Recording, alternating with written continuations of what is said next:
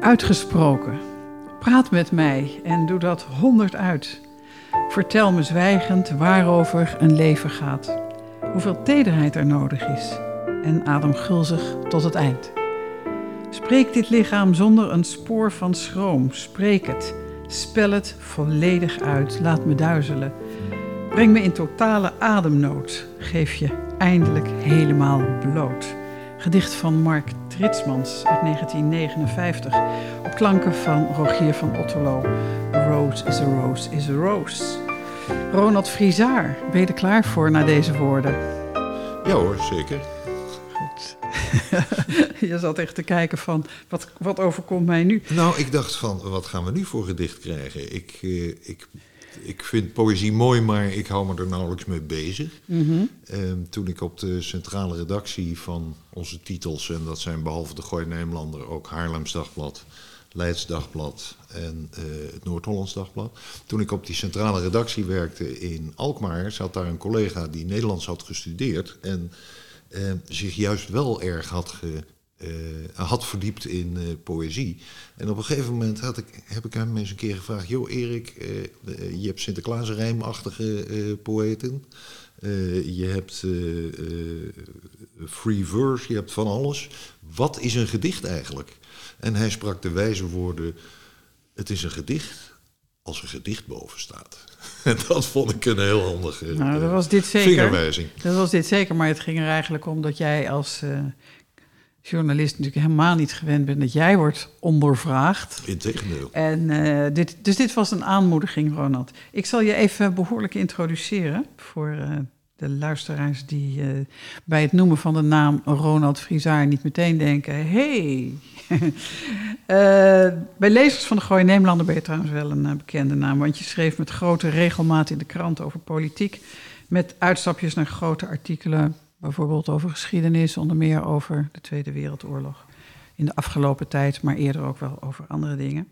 En eh, mijn naam is Ineke Hilhorst en de komende twee uur wisselen wij van gedachten en laten we de muziekkeuze horen van deze gewaardeerde journalist, want dat, eh, dat is hij wel, heb ik eh, de, laatste, de laatste weken mogen ontdekken, omdat ik een beetje ben gaan vragen wat de mensen nou eigenlijk van hem vonden. We beginnen met het heden, Ronald. Eind mei ga je pas met pensioen, maar je hebt Ja. zo'n ongelofelijke zee aan vrije dagen opgespaard dat je, dat je, dat je nu al thuis bent. Eh, thuis zit, moet ik zeggen. Zeker, zeker. Ja, ja. Zullen wij eerst onze kaart op tafel leggen? Jij zei mij door de telefoon dat je eraan hechtte dat ik eh, kenbaar maak dat ik de voorzitter ben van Laris Behoud. Dat eh, bij deze grootste politieke partij Ja. in Laren. Ben jij lid van een politieke partij? Nu mogen we dat vragen. Nee, nee, nee, nee. Je bent niet lid. Nee, zeker niet. Ik heb wel eh, vanmiddag mijn stem uitgebracht, uiteraard. Maar dat is iets anders. Dat gaat niemand wat aan. Oké, waar zit jij in het spectrum? eh, aan de linkerkant. Goh, joh. Dat wordt journalisten wel eens vaker verweten.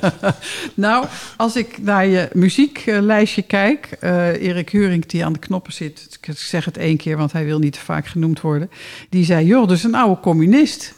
Eh, ja, dat is niet zo. Maar eh, dan ben ik wel benieuwd op grond waarvan, eerlijk gezegd. Ja, er staat iets van Wolf Bierman op. Er staat wat van Ernst Busch op. Dat zou aanleiding kunnen geven. Was een leuk geprobeerde, goede poging van mij. Hè? Goede poging. En verder, heb ik, gestrand. en verder heb ik nog een hint, want jij weet waar Nico Wegman woont. Die woont hier bij mij om de hoek. En toen dacht ik, hé, hey, Eh, Nico Wechter. Ja. eh, sorry, Nico Wechter. ja. Wegman is je chef. Ik haal Ja. de twee door elkaar. Ja. En toen dacht ik, ben je een D66er? ja, dan wordt het afstrepen. Hè? Ja, Eh, nee. Oh, niet. Nou goed. Oké, we houden je een beetje links. En eh, goed, ik, ik begrijp ook dat je niet eh, voor de radio zegt op virus. En dat, zo bedoel ik het ook eigenlijk niet. Nou, ik, ik zeg dat vooral niet omdat ik altijd geprobeerd heb in mijn werk dat geen enkele rol te laten spelen wat ik er zelf van vind. Ja. Maar, maar, ik steek mijn vinger hierbij op. Je werkt niet meer. Je bent weg bij de Gooi Neemlander. Dan is het des te irrelevanter. Zou Dan zou je hier niet zitten. We zijn nieuwsgierig naar je. Nee, maar eh, ik, ik vind het voldoende om te zeggen dat dat eh, links van het midden is. Ja, ik vind het ook. Ik, ik, ik doe het ervoor hoor. Ik doe het ervoor. Ik, uh, je hebt een heel mooi, tenminste ik vond het een heel goed stuk, je, je laatste stuk in de Gooi Neemlander gezet. En daarin, ik, ik, lees even een klein stukje voor. Mensen die het voor het zeggen hebben in de politiek en de economie moet je in de gaten houden. Want wat zij doen raakt het leven van burgers. Benader mooie praatjes, gelikte persberichten en dito-rapporten met sceptisch, soms zelfs met wantrouwen. Zoek naar harde feiten en cijfers, verwonder je, stel lastige vragen. Dat heb je gedaan, hè? Uh, ik, ik, mag het hopen van wel, ja. Het is in ieder geval altijd mijn bedoeling geweest. Althans, laat ik zeggen, de, volgens mij is onze eerste taak op te schrijven wat er gebeurt. Uh, maar wat er gebeurt kan bijvoorbeeld ook zijn dat een gemeente, gemeentebestuur, college aankondigt: wij gaan dit of dat doen. daar zit nog wel eens bijvoorbeeld mooi praterij bij. En dan denk ik, ja, hoe zit het nou? Of klopt dat wel? En daar begint het stellen van vragen. Die soms als hinderlijk worden ervaren. Nou, dat zij dan zo. Uh, maar goed, uh, eerst maar eens opschrijven wat er gebeurt. Kun je daarna nog altijd een analyse en desnoods een opinie laten volgen. Maar ook bij wat er gebeurt, gewoon vragen hoe het in elkaar zit. Niet met mooi praterij genoegen nemen maar gewoon naar de harde feiten vragen. Vind je dat nou echt de business van, van de overheid of de lokale overheid, mooi praterij? Nee, ik vind het niet hun business. Uh, maar in de praktijk blijkt dat soms, hè, want het is lang niet altijd zo, maar blijkt dat soms uh, voor te komen. Zoals bijvoorbeeld mensen op communicatieafdelingen, en dan bedoel ik niet per se die van uh, de communicatieafdeling van de drie Belgemeenten, mm. maar heel in het algemeen. Oh ja. Um, uh, kijk, vroeger werd dat vak verstaan als wij moeten de feiten brengen uh, zoals die zijn.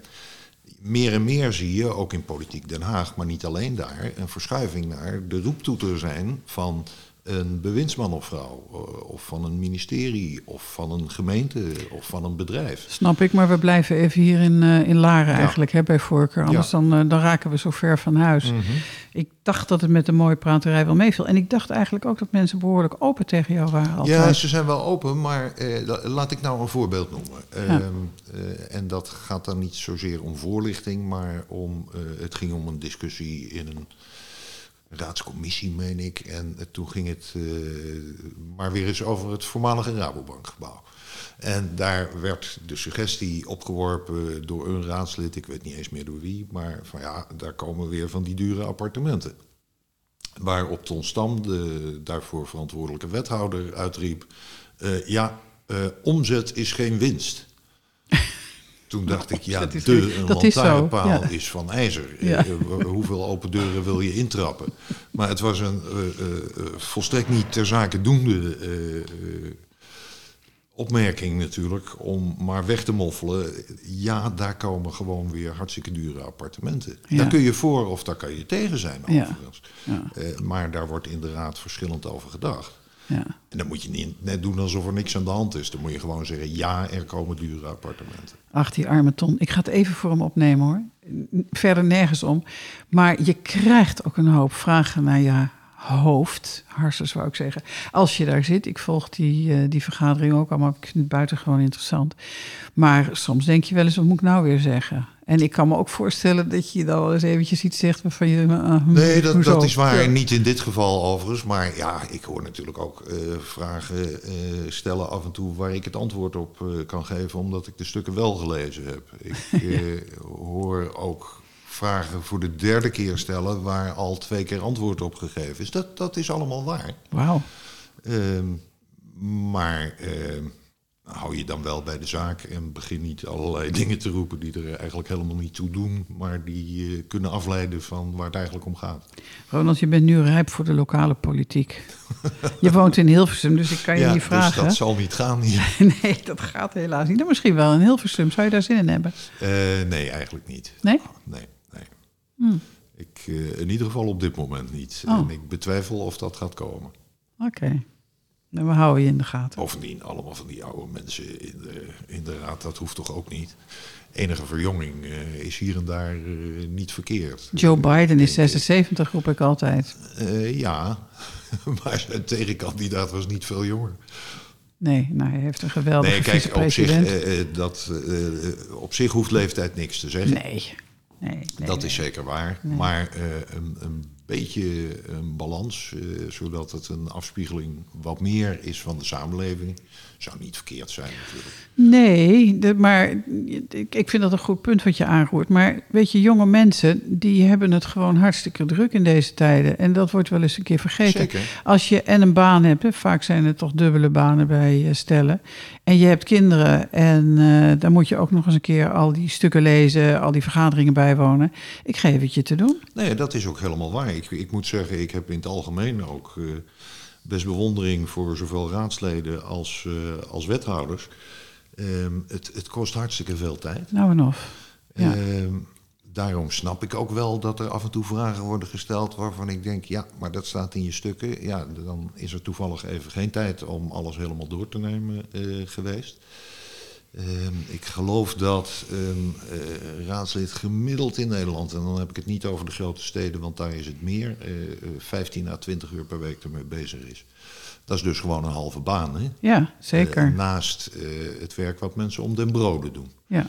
En eh, ja, er is een vergoeding voor, maar eh, die staat niet in verhouding eh, tot eh, het werk wat er geleverd moet worden. Bij, bij deze applaus voor alle raadsleden. Ja hoor, wat mij betreft eh, zeker. En, en voor wat betreft wethouders, ja, hier in Laren eh, zitten drie part-time wethouders, maar ik denk dat ze geen van drieën part-time werken. Eerlijk Ik denk gezegd. het ook niet. Nee. Dus eh, daar geldt in zekere zin hetzelfde voor. Ja. zij het dat die er beter voor beloond worden natuurlijk. Ietsje, ja. Ja. Ja. Ja, ook applaus voor de wethouders. Wat fijn, wat een, wat een leuke sfeer. Zullen we, eh, zullen we deze sfeer...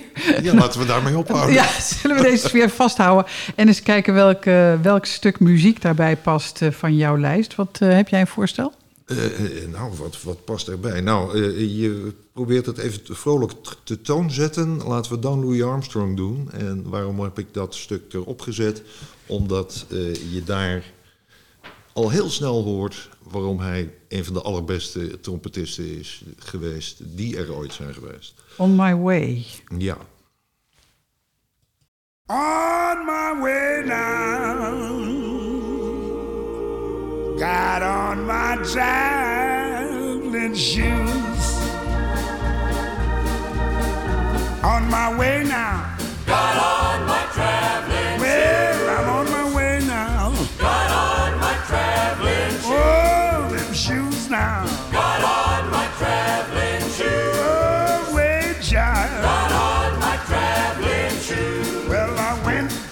church. I walked right in. The saints began to pray, and the Lord came in. I went to the altar, didn't find a fault. The saints began to pray, and the fires did halt. I'm on my way now. Got on my traveling Well, I'm on my way now.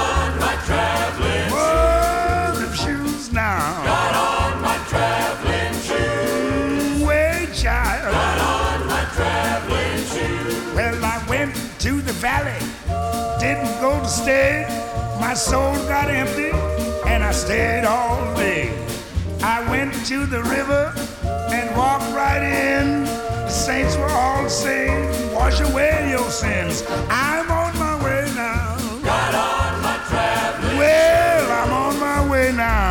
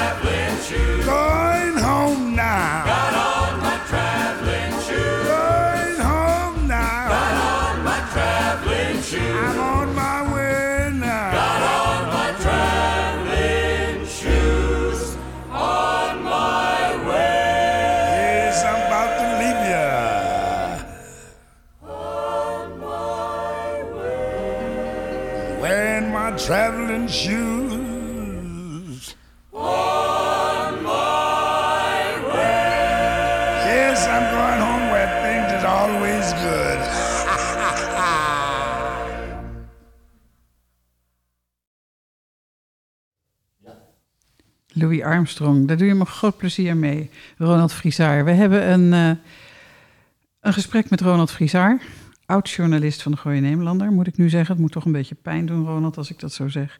Mijn naam is Ineke Hilhorst en wij zitten, eh, u luistert naar het programma, een prettig gesprek met. We zitten met Ronald nog helemaal in het heden. Daar raken we bijna niet over uitgepraat, want het lijkt alsof de krant nog helemaal niet en het politieke werk nog helemaal niet ver weg is. Met zoveel passie wordt er over gesproken, als ik dat zo mag zeggen. Jouw werk wordt alom gewaardeerd. Hè? Voor de Beldorpen zat je in de Weide Meren. Daar ben je ook met vlag en wimpel uh, uitgezwaaid en uh, mooie stukken in de krant. Uh, waarom houdt de krant jou niet aan? Als columnist, analyses, whatever. Ehm, ik heb zelf overwogen om de hoofdredactie te verzoeken uh, nog een jaartje te blijven, namelijk deze raadsperiode uit. Dat leek mij voor de krant handig en ik zou het wel prettig hebben gevonden. De, de, de heel even kort terug, eh, collega Edward de Vrieslands die heeft heel lang eh, de drie Belgemeenten onder zijn hoede gehad. Eh, toen hij vertrok om privéredenen hebben we het wat houtje touwtje in de lucht gehangen, gehouden. Maar sinds begin 2019 hebben we het gelukkig weer op de rit. En toen dacht ik van ja, om nou nog niet helemaal uh, 2,5 jaar onderweg zijnde het weer af te breken, is misschien zonde. Uh, toen waren er op de krant ook wat dingen waarvan ik dacht, ik vind het niet heel erg om daar niet langer uh, last van te hebben. En toen ik de optie, toen ik dat verhaal aan de hoofdredacteur voorlegde, toen zei zij, zei, nou joh, het gaat niet om jou, maar had je het gevraagd, dan hadden we nee gezegd. Want wij vinden dat verjongingen op de redactie eigenlijk behoorlijk nodig is. Uh, over al die titels die ik net noemde, uh, ik geloof dat momenteel de gemiddelde leeftijd op 51 ligt. Uh, het gaat hard omlaag omdat mijn generatie eruit aan het stappen is. Hè. Wij waren ooit twintigers en kwamen begin jaren 80 of ietsje daarvoor toen het in Dagbladland uh, de bomen tot in de hemel groeiden, kwamen we met scheppen tegelijk binnen. Ja. En nu gaan we in de loop van, nou wat zal het zijn, acht à tien jaar, met scheppen tegelijk er weer uit. En uh, is er dus kans op uh, de gelegenheid om te verjongen. En dat vind ik eerlijk gezegd een uitstekend argument. Nou ja, voor de, de, de dagelijkse verslaggeving okay, het, is het is in ieder geval een argument, hè? Dat ik, laat, ik dat, uh, laat ik dat zeker toegeven. Maar ik heb het over analyses en commentaren. Je bent een goed journalist, hè? daar is vriend en vijand het over eens. Je hebt trouwens geen vijanden, althans ik heb ze niet kunnen ontdekken. Maar mensen als Henk Hofland, Mark Chavan, die, uh, die worden toch altijd door de, bij de NRC bijvoorbeeld altijd weer gewaardeerd om hun bijdrage. Af en toe verdwijnt, verschijnt er, nou Henk natuurlijk niet meer, maar een, uh, van Mark wel toch een gedegen stuk in de krant. Waar, waar, waar je gewoon duidelijk uitmerkt, nou die heeft zijn vlieguren gemaakt, weet waar hij het over heeft, kan eventjes vanuit een vanuit een goed, goed standpunt redeneren. Dat vind ik interessant. En dat kan iemand van pakweg uh, 20, 30, die kan dat natuurlijk nog niet. Uh, nee, maar ik denk dat je de, uh, toch je beste analyses en opinies maakt als je uh, dagelijks met die materie bezig bent. En dat ben ik vanaf nu althans niet meer. Zij het dat ik gisteravond nog even heb zitten kijken hoe het ook alweer met uh, de agenda's van de komende twee commissies en raad zit. Maar goed, dat zal slijten. En wat betreft Mark Chavan, ja, die, die stukken lees ik wel met plezier. Maar Henk Hofland uh, heb ik nooit van begrepen waarom die eind vorige eeuw tot journalist van de eeuw is uh, uitgeroepen. Uh, ik was het altijd zeer met Willem Oltmans eens. Die was ook journalist. heeft een het was maar een voorbeeld, hè? Het was maar een voorbeeld. Ja, ja, ja. heeft een leven lang met buitenlandse zaken overhoop gelegen. Uiteindelijk van de rechter gelijk gekregen. Ja. Maar die zei van ja, die Hofland die komt nooit verder dan die vierkante kilometer in Amsterdam en een hotel in New York. Maar het was een voorbeeld. Nee, dat snap het ik. maar goed, op ja. een gegeven moment moet je ook niet uh, uh, de oude grijze bronpot van buiten worden die het niet meer op dagelijkse voet volgt. Dus eh, dat wil ik graag aan de collega's overlaten. Het hangt natuurlijk van je invalshoek af. Maar er is een ander ding. Ehm, het is natuurlijk zo dat jij hebt altijd voor de papieren krant geschreven. Hè? Dat, is, dat is lekker, dat is iets wat je vast kan houden. Eh, de papieren krant, ik vind het een wonder. Het is nog steeds stabiel, het aantal abonnees bij de Gooi Nederlander, als ik het goed heb.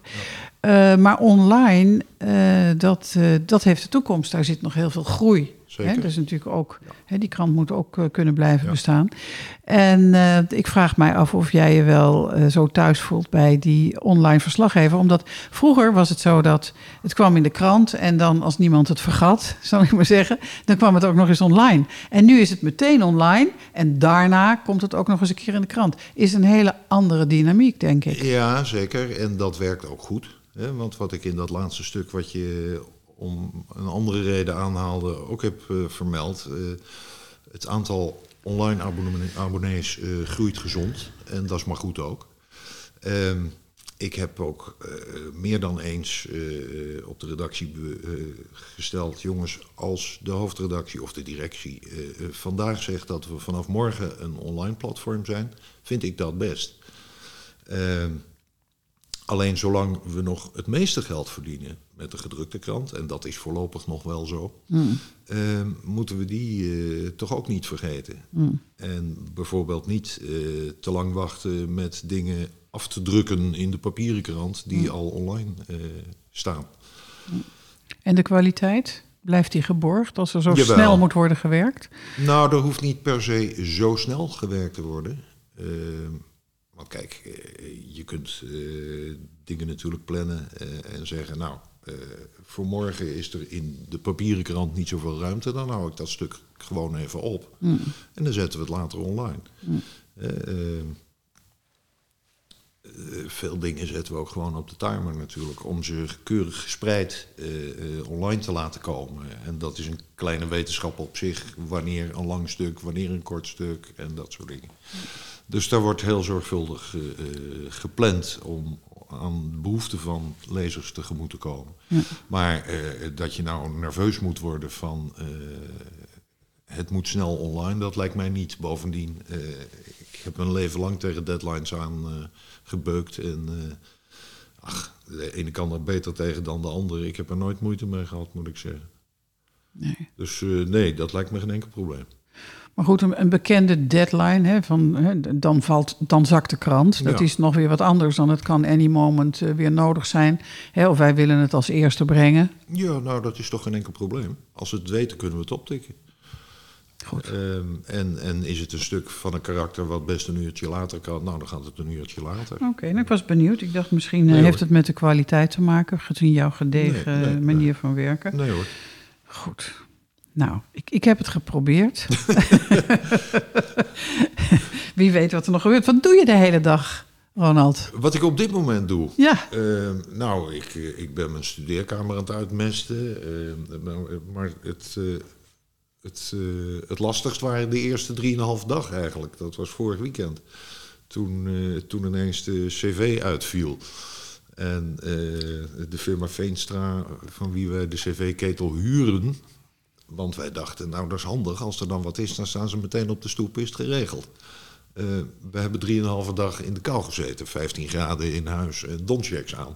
Dus toen moest ik even niet denken aan pensionering. Toen dacht ik, hoe overleven wij dit? Nou, we hebben het overleefd. Eh, ja, ik ga daar maar eens langzaam aan wennen, denk ik.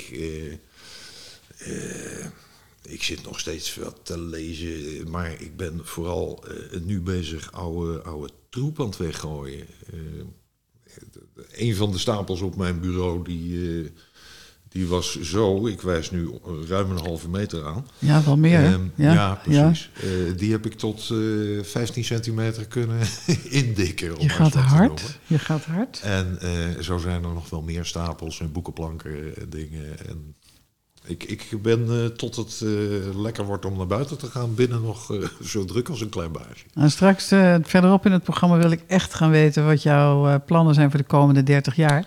Want dan zijn al die stapels wel weg en dan, Ja. dan, dan, moet er, dan moet je gewoon weer aan de bak.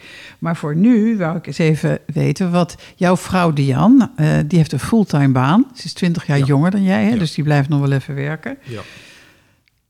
Ga jij nou eindelijk eens wat doen in het huishouden? Ja, heb ik mij wel voorgenomen. Ah, Daar heeft zij vast lelijke dingen over gezegd. wij hebben het even over je gehad. ja, ja, ja, ja. Ter verdediging kan ik overigens zeggen dat ik eh, in het verleden deed ik de was en de afwas. En dat is mij uit handen genomen om de een of andere reden. Ik weet niet waarom. Joh, Maar eh, misschien deed ik het wel niet goed genoeg of zo. Ik, eh, ik weet het niet. Nee, dat, dat zijn, zijn geen dingen waar jullie het even over hebben dan bijvoorbeeld. Nee, dat gebeurde gewoon. En toen dacht ik, oh nou, het zal wel.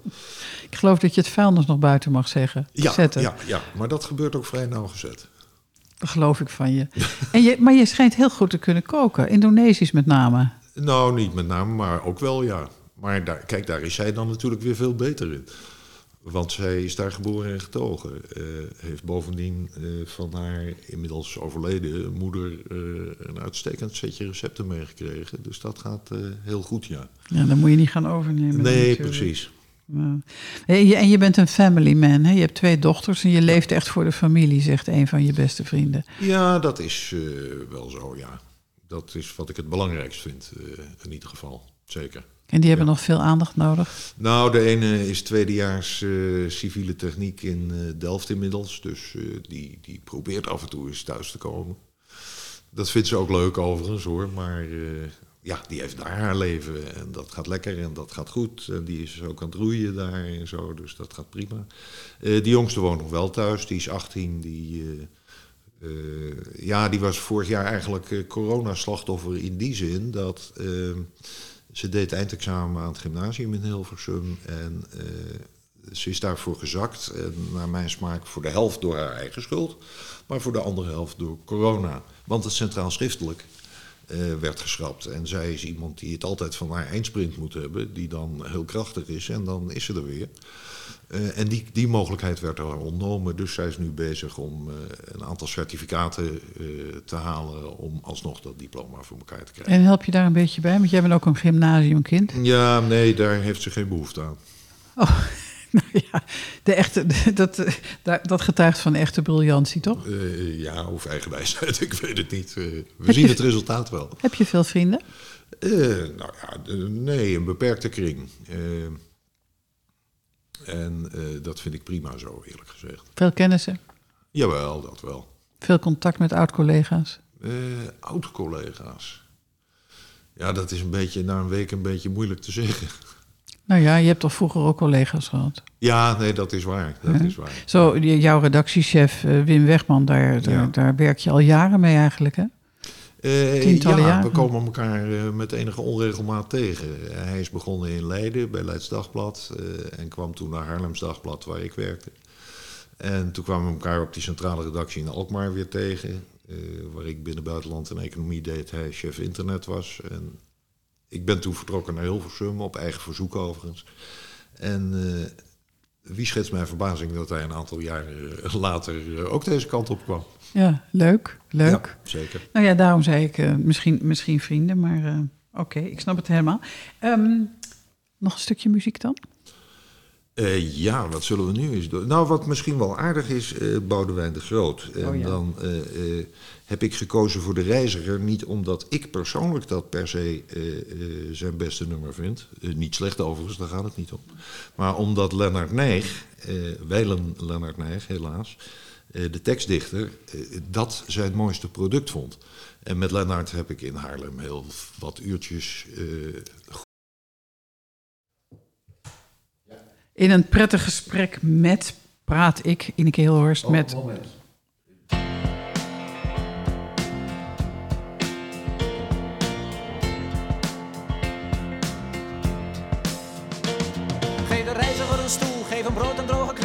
zitten bij de haard. Hij is overal geweest, hij die alles heeft verloren, hij die nooit iets heeft bewaard. Haal flessen uit de kelder en haal muziek in huis, laat iedereen het horen, de reiziger is thuis. Geef de reiziger het woord, laat de reiziger vertellen, maar hij schudt zijn hoofd en wacht. Hij heeft overal gezocht, hij heeft nergens iets gevonden en hij heeft niets meegebracht. Hij zegt ik ben veranderd, ik ben hier niet meer dus maar laat de kinderen komen, de kinderen van dit huis. Laat de kinderen komen, laat de kinderen komen, ik heb aan ze gedacht. Ze zullen mij niet kennen en ze zullen mij niet slagen, ze hebben niets verwacht.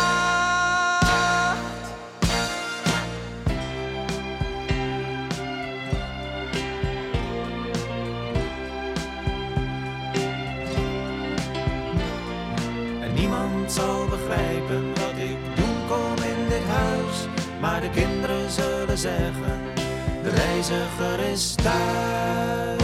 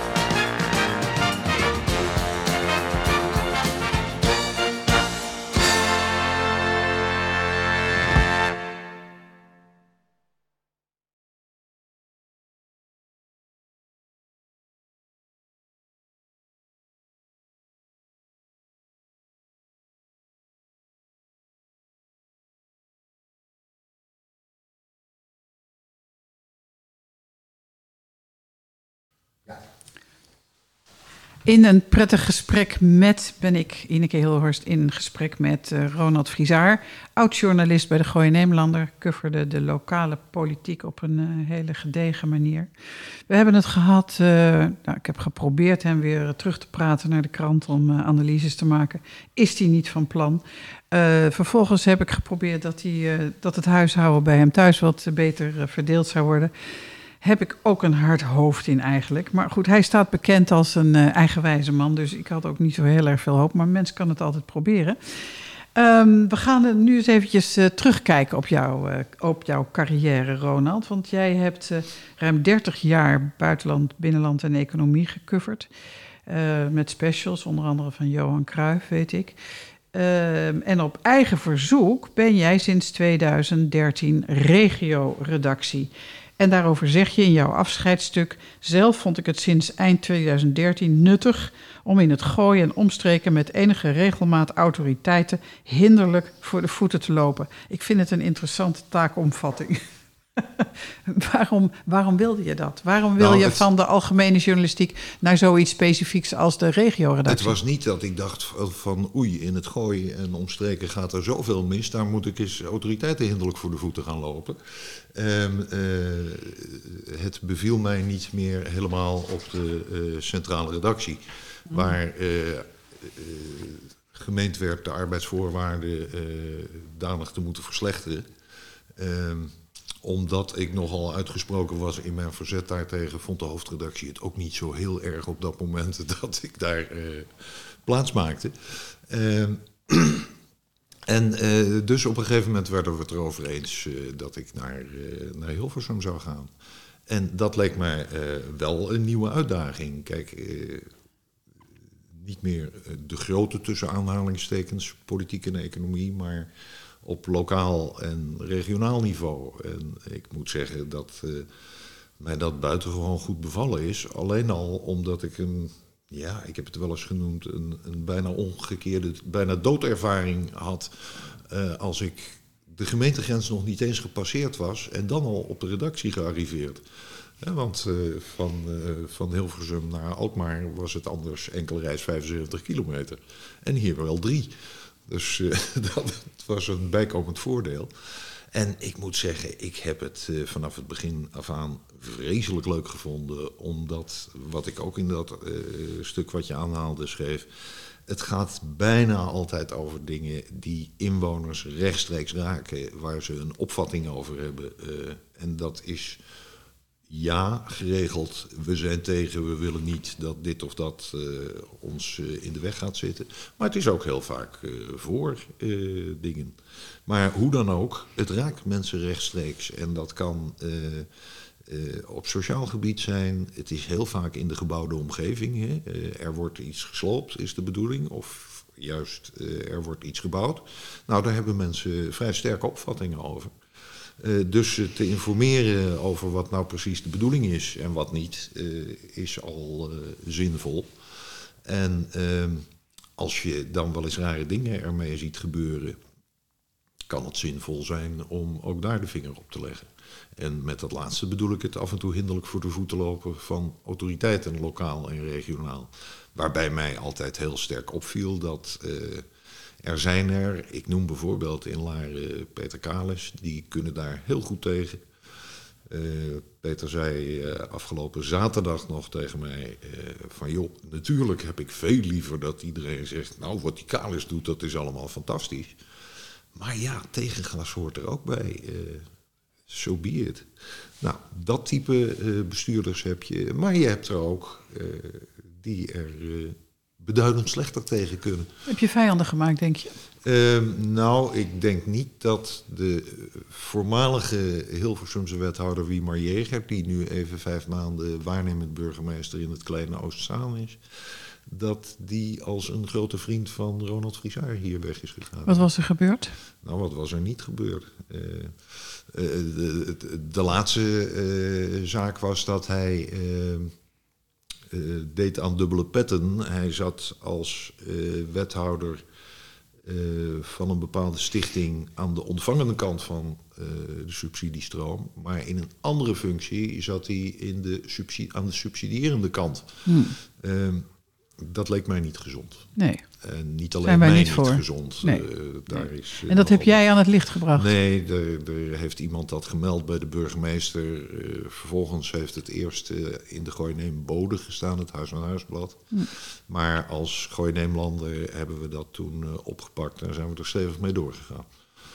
En ja, wie maar die toch al niet zo het had op, op kritiek, die is niet een, een, betere vriend daarvan geworden, zou ik maar zeggen. Hm. Uh, ik Heb vond je... dat buitengewoon kinderachtig, moet ik overigens zeggen. Want ik vond ja. hem persoonlijk een hartstikke aardige vent. Ja. ja. Heb je wel eens iets echt geheim gehouden dat je dacht, nou ik weet dat, maar het algemeen belang is er niet bij gediend en uh, misschien beter om, uh, om dat maar eens niet op te schrijven? Nou, niet dat ik me kan herinneren. Kijk, het, het, dan praat je, als het over media gaat, toch al snel over dingen van oorlog en vrede of leven en dood. En dat is niet het type journalistiek waar ik me mee bezig gehouden heb. Ik, ik kan me voorstellen dat uh, uh, collega's die zich met uh, misdaad bezighouden, dat die wel zo af en toe voor zo'n vraag komen te staan. En als jouw land in oorlog is, maar dat is hier gelukkig al 75 jaar niet meer zo. even los dan van wat er in de Oosten is gebeurd, want dat heeft wat langer doorgeduurd. Uh, maar uh, nee, daar, daar, voor die, dat soort vragen ben ik eigenlijk nooit komen te staan. Heb je zelf wel eens een fout gemaakt? Oh, ongetwijfeld. En niet meer, niet één, maar meerdere natuurlijk. en wat groter en wat kleiner. Ik kan me uit het hele begin, toen werkte ik bij het ANP herinneren. en toen was het in Suriname heel onrustig. En ik zat toevallig op de deelredactie die het nieuws daarheen en vandaar naar Nederland onder handen had. Uh, toen was er een, een Surinaamse eh, stichting, Lala Rook, bestaat nog steeds volgens mij. En die zei namens wel 13 of 20 uh, instellingen een bepaalde verklaring af te leggen. En ik had daar een berichtje van gemaakt. Tot een wat oudere collega zijn vinger opstak en zei: Heb je dat nagegaan? Ik zeg: Wat nagegaan? Ja, of al die anderen ook. En toen zat ik daar met een rode pieper. Van nee, ik had eigenlijk op, uh, op hun uh, vertrouwd. Uh, want het was, een, was en is een, een te goede naam en faam bekendstaande stichting. En ik had niks nagetrokken. Toen zijn een paar ANP-collega's toch even een uur aan het bellen gegaan. zoiets is me gelukkig nooit meer overkomen. Maar die ene keer, ja. En er was toch weer een oudere journalist die je kon redden, hè? Ja, maar dat kon moeilijk anders, want ik was een van de jongsten. Ja, dat begrijp ik. Heb jij hier in Laren, denk jij dat, jij, eh, dat jouw werk eh, invloed eh, heeft gehad? Dat mensen toch dachten, nou, Frisaar zit op de tribune en die gaat er weer over schrijven. Dus laat ik even op mijn woorden letten. Dat weet je nooit. Ik, ik heb niet de indruk dat, dat raads- of commissieleden hier in, Haarlem, eh, in Laren zich ooit inhouden of hebben gehouden omdat ik op de tribune zat. Sterker nog, eh, af en toe hoorde je, en dat heb ik ook in Hilversum en Weidemeren wel gehoord. Ja, ik moet nou even uitkijken wat ik zeg, want de Gooi Nederlander luistert mee. ja, Ja, ja. maar dat, dat hoort allemaal bij het spel. Ja, ja, zo is het. Wat, wat vind jij van de, van de toon van de, van de vergaderingen in Laren? Hier in Laren. Ja. Ehm, ja, dat eh, eh, gaat niet altijd goed. Eh, ik denk dat dat ermee te maken heeft dat raads- en collegeleden hier in Laren elkaar door de bank genomen al behoorlijk lang kennen, ook in andere rollen. Ehm, maar het heeft ook wel eens met de toon zelf te maken. Ehm, het duidelijkste voorbeeld, en daarmee zeg ik niks nieuws, want ik heb het alles opgeschreven. Ehm, eh, Jacqueline Timmerman die heeft, eh, zit in de oppositie, leidt eh, de fractie van Liberaal Laren, is kritisch van geest. Nou, dat valt alleen maar toe te juichen, denk ik. Maar ze gaat er soms zodanig met gesprek been in, dat ik dan zag bij leden van het college, maar ook bij andere raadsleden. ehm, en dan in dit geval met name in de coalitie natuurlijk, waar tegen ze zich richten, dat, dat er spontaan pukkeltjes in de nekken opkwamen. En dan ging het helemaal niet om wat zij zei, maar om hoe het gebracht werd. En het jammere daarvan is dat dan ook niet of nauwelijks meer geluisterd werd naar de inhoud van haar opmerkingen, waarmee ze dus eigenlijk haar doel voorbij schoot. Ehm, ja, en eh, eh, wat ik ook wel eens gemerkt heb, eh, dat de wethouder Kalis ietsje meer dan Stam, maar dat die twee ook wel eens irritatie opwekken door uit de wat losse pols eh, vragen en opmerkingen te beantwoorden. Eh, waar eh, een wat extreem voorbeeld de genoemde opmerking van Stam is dat omzet niet hetzelfde is als winst toen het over de voormalige Rabo ging. Maar ook Peter Kalers heeft, eh, eh, want die was het die ik in dat laatste eh, stuk verwijt dat hij de gemeenteraad over de OZB dingen op de mouw spelde. Ja, af en toe riep hij maar wat volgens mij. Hij maakt ook wel eens een zijn. grapje, zegt hij zelf. En dat neem jij dan, neem jij dan letterlijk. Zo van, ik kan het niet terugbetalen en, en jij neemt dat heel serieus. Nou, nee, eh, ik, eh, ik ben bang dat hij eh, volkomen eerlijk was toen hij... Het, er is eh, vorig jaar te veel OZB gegeven, doordat het tarief wat te hoog is vastgesteld. En dat kwam doordat de ambtelijke organisatie de zaakjes niet tijdig op orde had. Ehm, toen vroeg ik hem, ga, en, en gaat het college dit nu terugbetalen? Nee hoor, zei hij, dat, eh, daar hebben we helemaal het geld niet voor. Nou is dat precies het geval in de gemeente Laren. Toch was het een grap, zegt Ja. hij. Ja. Eh, sterker nog, eh, dit jaar is de OZB met 5% extra bovenop de inflatie verhoogd. Juist omdat Laren, er wonen wel veel mensen met centjes in de gemeente, maar de gemeente zelf is niet zo'n rijkaard. Eh, heeft die centjes gewoon nodig. Ja, zijn we ook niet het enige in. Hè? Maar goed, laten we maar niet te veel in die politiek duiken, want anders hebben jij en ik een discussie. Lijkt me ook niet helemaal de bedoeling. Ehm, er is heel veel, echt, is echt heel veel waardering eh, eh, voor, voor, jou, voor jouw werkwijze. Dat, dat merk ik wel. Altijd goede verslaggeving, snel als eerste de besluiten van het college. Je doet je eigen research. Vaak op het scherpst van de snede schrijf je het ook op. Ehm, ik heb ook wel wat kritiek mogen, moeten noteren. Ehm, ik vroeg aan, eh aan Timo Smit, die toch niet een van de, van de minste is hier in het dorp.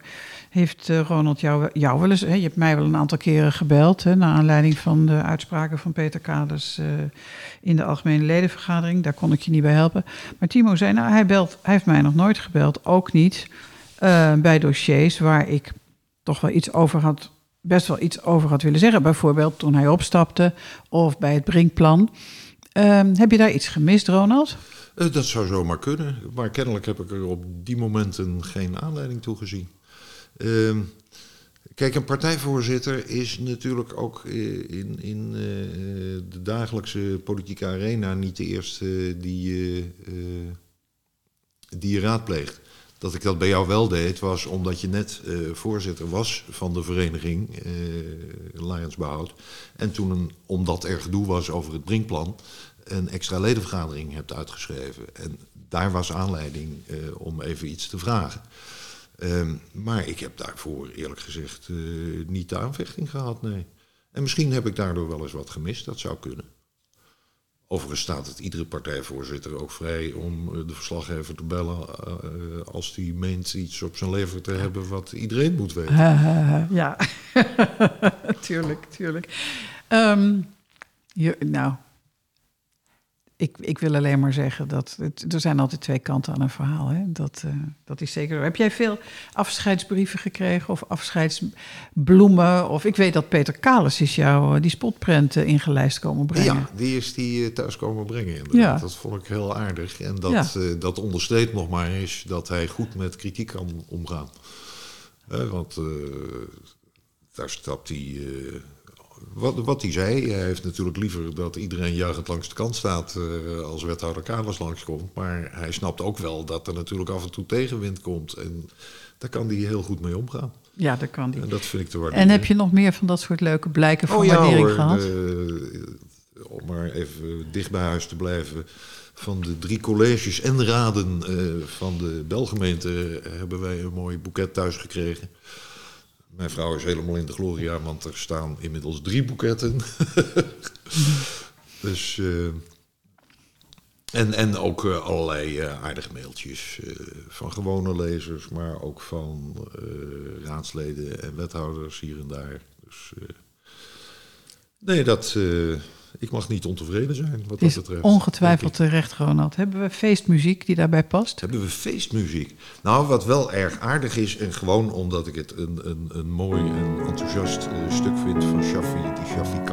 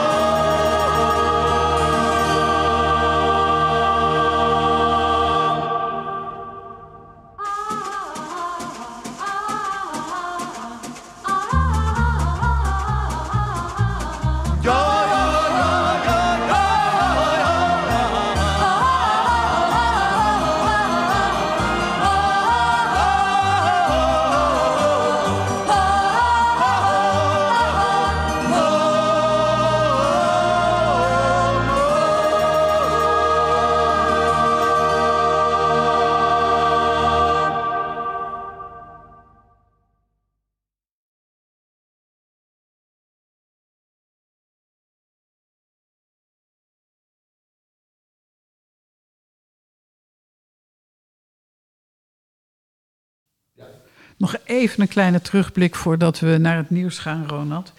Uh, je hebt eigenlijk zelf gekozen voor die regionale journalistiek, maar dan vooral voor de politieke kant.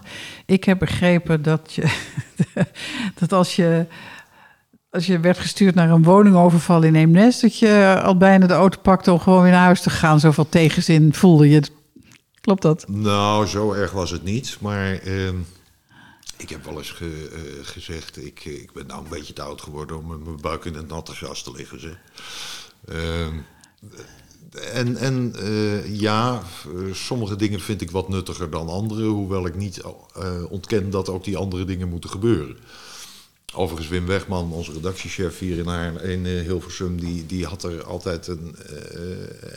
Trof af en toe precies de goede toon. Waardoor ik gewoon in mijn auto stapte en naartoe reed. Misschien knapper van hem dan van jou. Ja, precies, zeker. Jij wordt nu vervangen door, uh, door wat wij noemen een jonkie. Ilona Bos, 27 jaar, tamelijk vers van de Universiteit van Amsterdam. Zo'n netwerk opbouwen, dat duurt toch wel even. Of je ze nou wel of niet wil bellen. Maar het duurt even voordat iedereen jou kent en ook met je wil praten en snapt dat er een deadline is en je gauw terugbelt. Wat vind je daarvan? Uh, ja, maar uh, ik bedoel, iedereen moet een keer beginnen. En uh, ik bedoel, ik was een gevorderde vijftiger toen ik hier in Hilversum landde en ook weer opnieuw uh, moest beginnen een netwerkje op te bouwen. Maar moet je zo iemand dan niet inwerken? Een keertje meenemen, voorstellen, whatever? Uh, ik had daar de voorkeur aan gegeven, maar kennelijk om praktische redenen gaat het anders. Hmm, wat jammer. Nou, ik en weet, kijk, ik, ja. ik, ben altijd even te bellen of te mailen van joh, uh, hoe zit ze of zo. Hè? Dat, uh, dat kan natuurlijk altijd. Ja, maar het is niet serieus inwerken natuurlijk. Nee, maar ja, dat uh, serieus inwerken gebeurt eigenlijk in de journalistiek ook maar heel zelden. Nou ja, wij wensen Ilona heel veel succes Zeker. en zullen haar warm onthalen, daar gaat het niet om. Want uh, ik heb uit Weidemeren gehoord, hè, waar, jij, uh, waar jij ook mm. jarenlang het nieuws hebt gevolgd en de politiek hebt gevolgd. Dat toen jij het deed, was het Weidemeren vrijwel dagelijks in de krant en nu nog maar sporadisch. Uh, nu moet ik erg uitkijken, want ik vind namelijk niet dat ik mensen voor de voeten moet lopen die dingen van mij overnemen of hebben overgenomen. Goed, dan gaan we naar het nieuws. Dat lijkt me goed. En dan praten we daarna weer verder. Jouw dorp, jouw nieuws, jouw muziek. Dorpsradio Laren. In een prettig gesprek met, praat ik in de Keelhorst met Ronald Friesaar, oud-journalist bij de Gooi Neemlander. We hebben hem met, lege, met leden ogen zien gaan. Uh, de afgelopen week. Hij, uh, hij komt niet meer terug, hebben we in het eerste uur gehoord. Uh, we hebben hem wat nader leren kennen, maar ook een beetje aan de tand gevoeld over zijn werkethiek. En, maar ook vooral bewonderd eigenlijk. En gemerkt dat wij daar niet de enige in zijn. Uh, we hebben het al eventjes een beetje over zijn privé gehad. Maar Ronald is uh, nou, 65, hè, AOW-gerechtigde leeftijd. 66 al inmiddels. Jeetje, jongen toch? De AOW-leeftijd schuift op. De AOW-leeftijd, ik weet er alles van. Um, uh, maar hij heeft een interessant leven gehad. Jij hebt een interessant leven gehad. Dus we gaan nu even wat verder terug in de tijd... om te kijken hoe, hoe dat allemaal zo zo gegaan is, uh, Ronald. Want uh, jij hebt uh, op de school voor journalistiek gezeten. Um, toen had je grote dromen, volgens jouw vriend Tom, die ook op de school voor journalistiek zat. Ja, en wij zouden dat samen gaan doen en met nog heel veel anderen. En de wereld zou heel snel heel veel beter worden. Ja, en? Uh, nou, laat ik het zo zeggen. Ik ben ook met Ton een keer, uh, uh, wilden we de rugzak pakken en eens een jaar onderweg gaan. wij dachten aan Zuid-Amerika. Toen ontdekten we, oh, daar gaat iedereen zo langzamerhand heen. Dan gaan wij dus daar niet heen. Dus wij hebben de schreden naar Afrika gericht. En we zeiden tegen elkaar, nou, we zullen Afrika eens een poepie laten ruiken. Afrika heeft daar niets van gemerkt natuurlijk, maar wij des te meer. Hoe lang zijn jullie daar geweest? Nou, dat, uh, het, het, geld ging daar veel harder dan wij hadden gehoopt. Dus uh, een maand of zeven, acht. En ik heb hem daar toen achtergelaten in Zimbabwe, waar hij een correspondentschap wilde voorbereiden. En ik ben toen teruggevlogen naar Europa. En weer in dienst getreden uiteindelijk bij Haarlems Dagblad, waar ik de afspraak had dat als zij niet op dat moment mensen zouden moeten ontslaan, dat ik dan gewoon weer terug kon komen. Wat hebben jullie gedaan in uh, Afrika? Nou, uh, we hebben eh, niet alleen maar eh, rondgereisd, maar ook verhalen gemaakt. Want dat was wel de bedoeling. Alleen eh, minder dan wij gehoopt hadden, eh, genereerde dat eh, centjes. Dus de centjes gingen er veel harder uit dan ze er weer in kwamen. Nou is reizen en verhalen optikken is eh, niet, niet per se een makkelijke combinatie. Nee, dat, dat is ook zo. Dat Ja. is ook zo. Eh, maar goed, eh, we hebben er een aantal best aardige dingen eh, gedaan. Ik noem maar wat. een, een ster eerder van het ballet van de 20e eeuw in Brussel, Germaine Acogny, die was weer terug in haar geboortestad Dakar, de hoofdstad van Senegal. En daar, eh, daar hebben we een interview eh, met haar gemaakt voor het blad Dans. Nou, ik zou daar, als ik in Afrika niet was geweest, nooit een letter in gepubliceerd hebben. Werd de wereld daar beter van? Ehm, Of was dat nee, maar zij gaf ons wel een wijze les mee. Ze zei, joh, eh, bedelaars vind ik helemaal niks. Cultuur, daar gaat het om. En staat er nou eentje met een gitaar met maar één snaar erop eh rottig geluid te maken... beschouw dat dan maar als cultuur en geef die geld. Ah, mooi, mooi. En ik noteerde ook dat jullie Mugabe hadden geïnterviewd bij de opening van een melkfabriek. Nou, geïnterviewd is een wat groot woord. Eh, Er werd eh, op de grens met Mozambique een melkfabriek eh, geopend. De firma Stork had daar belangen in vanwege machines en dergelijke. En op een gegeven moment botste ik tegen een kleine zwarte man aan. eh, en die stelde zich keurig voor. Hallo, I'm Robert Mugabe. Ik zeg, nou, hallo, ik eh, ben Ronald Friesaar. En wij stonden even te praten. Toen kwamen er van die enorme kleerkasten onze kant op... waarop hij eh, ze met een handgebaar tegenhield. En we nog even wat hebben gebabbeld, twee minuutjes. En meer was het niet. Wist hij dat jullie journalist waren? Ja, ja, dat heb ik hem wel gezegd. We zijn desondanks niet achter de tralies beland, maar eh, zoveel macht had hij op dat moment ook nog niet, want hij was nog slechts premier. Maar er is wel een artikel eh, verschenen in het blad van de Novib. Eh, ja, dat zou zomaar kunnen. Oh. Maar dat is dan niet op grond van een interview met Mugabe geweest, maar iets anders. Maar ik denk dat we over die opening wel iets geschreven hebben, ja, dat, dat is wel zo, denk ik. Ja, Ja. Niet, het klinkt niet echt als heel groot nieuws ook, hè? Nee, maar het was natuurlijk eh, voor de Novib aardig. eh, want daar werd iets goeds verricht. Eh, namelijk een melkfabriek. Vertel nog iets meer over Afrika. Jullie hadden grote dromen, jullie waren jong, jullie wilden de wereld veranderen. Hè? De Ton net zo goed als jij. Ja. Ton misschien nog iets meer dan jij, maar jij wilde dat ook zeker wel, heb ik begrepen. Hoe heb jij, hoe heb jij daar je bijdrage kunnen leveren? Heb je daar je bijdrage kunnen leveren? Nou, dat is wel een gewetensvraag. Eh, eh, ik, ik weet het niet, eh, eerlijk gezegd. Eh, is het sindsdien met de wereld veel beter gegaan, kun je je bijvoorbeeld afvragen. Er zijn soms dingen, dan denk ik, nou, we dachten toen dat er vooruitgang was. In de derde wereld bijvoorbeeld, landen die onafhankelijk werden, waar het beter mee ging, dat soort zaken. Het is hier en daar niet beter geworden. Maar heb jij, heb jij een steentje in de vijver kunnen gooien daar? Nou ja, het, eh, dan eh, is het maar, eh, maar zo gering, denk ik. Wat, wat ik ook in dat afscheidsinterview schreef, wat je als journalist hooguit kunt doen, is de feiten aanreiken, zodat mensen een zicht krijgen op de werkelijkheid, lezers. En wat ze daarmee doen, welk oordeel ze daaraan verbinden, dat moeten ze vooral zelf weten. En heb je dat in Afrika kunnen doen? Nee. Is dat niet jammer? Ja, nou, ik, ik geloof ook niet dat we per se eh, met die Afrika-reis dachten eh, de wereldrevolutie te veroorzaken hoor. Ik begreep van wel dat jullie echt met dromen in je rugzak op pad zijn gegaan. Nou nee, de droom was meer, we, we maken een, eh, een, een reizend persbureau. En dat eh, verliep wat minder soepel dan, eh, dan gehoopt natuurlijk. Hoe had je je dat voorgesteld? Nou, eigenlijk hadden we een bus willen kopen met allerlei apparatuur erin. Eh, op de autorij, de bedrijfsautorij, bleek dat al snel veel te begrotelijk. Dus we hebben het twee rugzakken.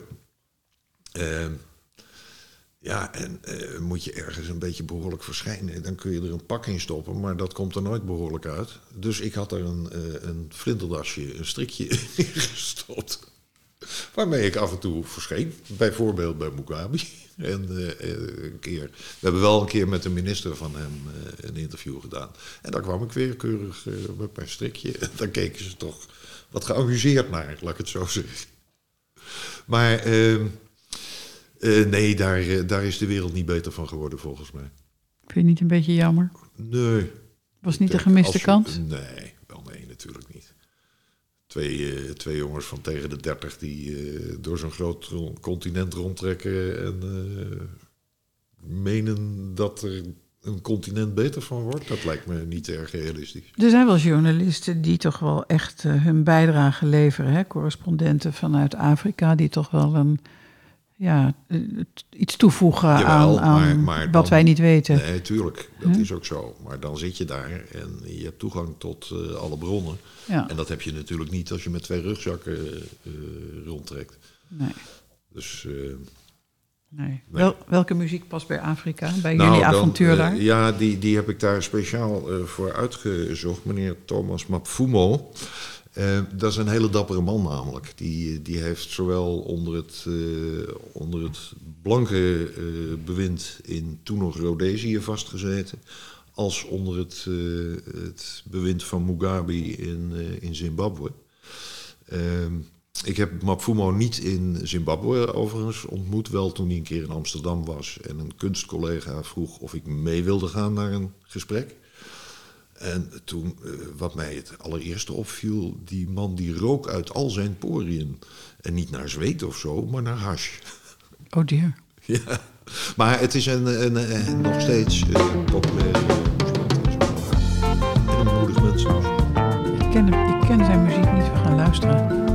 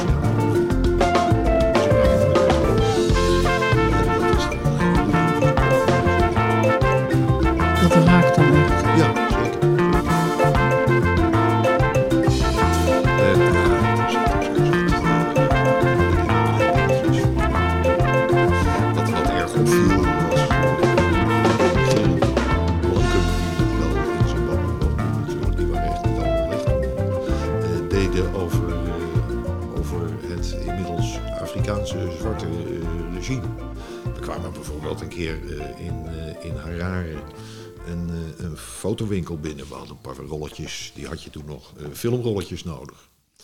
En toen werd ons eh, uitgelegd dat ze die niet hadden. En toen zeiden wij, eh, oh, gewone filmrolletjes hebt u niet? No sir, this is Zimbabwe now. En niet meer het Rhodesië van de blanke Ian Smith, moesten wij begrijpen. En hoezo dan niet? Nou, het was nu in zwarte regeringshanden, dus gingen dingen fout, vonden de dames. Oh, jeetje. En nou ging ook niet alles goed, dat is waar, maar het, het, was onverhuld racisme wat daar natuurlijk in zat. Ja, ik miste hem helemaal. Ja. Ik snapte het niet eens. Och, ja.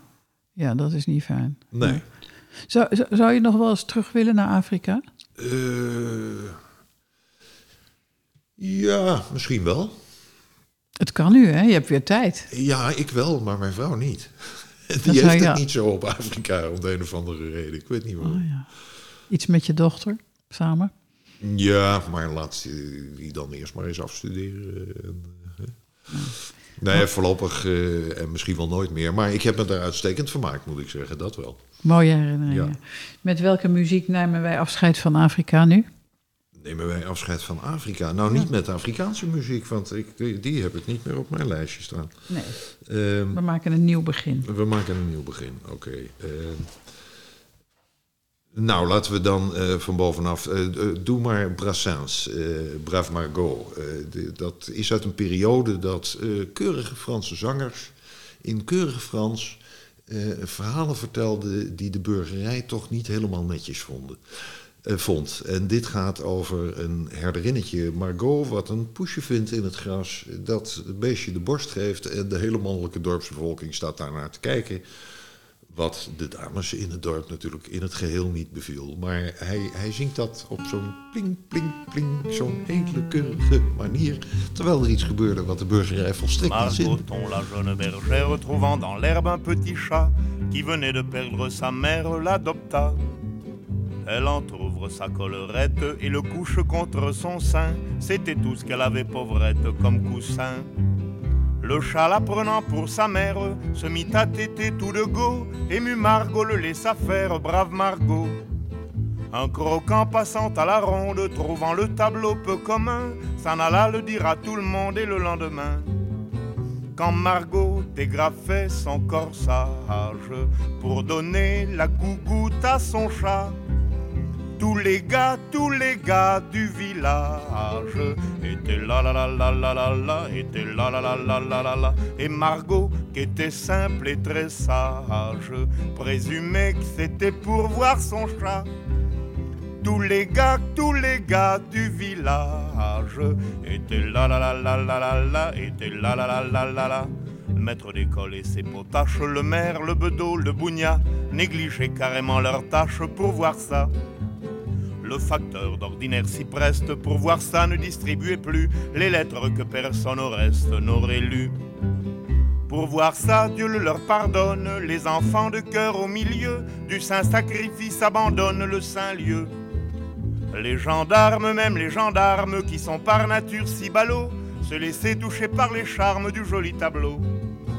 Quand Margot dégrafait son corsage pour donner la gougoute à son chat, tous les gars, tous les gars du village étaient là là là là là là là, étaient là là là là là là là. Et Margot, qui était simple et très sage, présumait que c'était pour voir son chat. Tous les gars, tous les gars du village étaient là là là là là là là, étaient là là là là là là. Mais les autres femmes de la commune, privées de leurs époux, de leurs galants, accumulèrent la rancune patiemment. Puis un jour, ivres de colère, elles s'armèrent de bâtons, et farouches, elles immolèrent le chaton. La bergère, après bien des larmes, pour se consoler, prit un mari, et ne dévoila plus ses charmes que pour lui. Le temps passa sur les mémoires, on oublia l'événement, seuls des vieux racontent encore à leurs petits-enfants. Quand Margot dégrafait son corsage pour donner la gougoute à son chat, tous les gars, tous les gars du village étaient là la la la la la la, étaient là la la la la la la. Et Margot, qui était simple et très sage, présumait que c'était pour voir son chat tous les gars, tous les gars du village étaient là la la la la la la, étaient là la là la la la la, étaient là la la la là là là là là. la.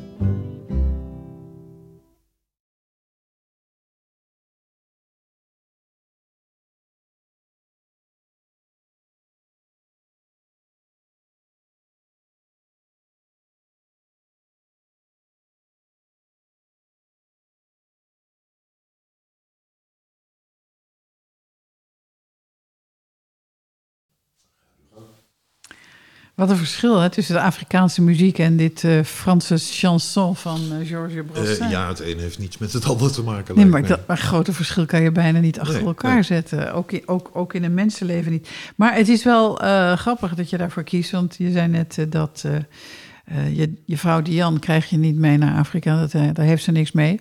Maar ze houdt wel van Frankrijk. En jij ook. Je bent echt een francofiel. Nou, francofiel gaat wat ver misschien, maar... ik- spreekt goed ik- Frans. Ik, voel me altijd wel prettig in dat land, eerlijk gezegd. Eh, Maar je bent natuurlijk gewoon een oude hugenoot.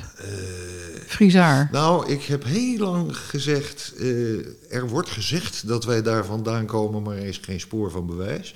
Inmiddels heb ik wat sporen gevonden... dat de naam Frizaar in Frankrijk voorkomt en voorkwam. Eh, ik bedoel, een, een gérant van een Grand Café in Toulouse bijvoorbeeld. eh, maar dan hebben we het over... eh, begin 20e eeuw.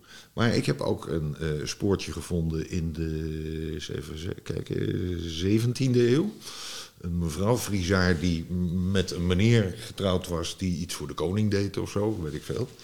Ehm, dus het zou zomaar kunnen.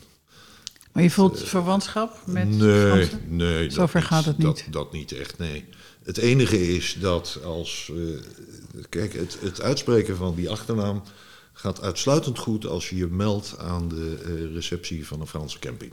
Oh ja. Dan gaat het in één keer goed. En voor de rest eh, maakt men er van alles van... en moet je het vooral spellen. En dat snap ik ook heel goed. Maar je spreekt in ieder geval heel goed Frans. Nou ja, redelijk wel. Ik kan, ik kan me daar redelijk wel in redden, ja. Of heb je gevoel, goed gevoel voor talen? Nou ja, ik, ik ben wel een alfa. eh, met wiskunde overigens in het eindexamenpakket, maar dat was dan ook meteen de enige onvoldoende. Gymnasium heb je Ja, gedaan. ja, ja, ja. En je houdt van kamperen? De- de- ik eh, vind dat in het geheel niet verkeerd. Ah, Ja. liever dan een hotel?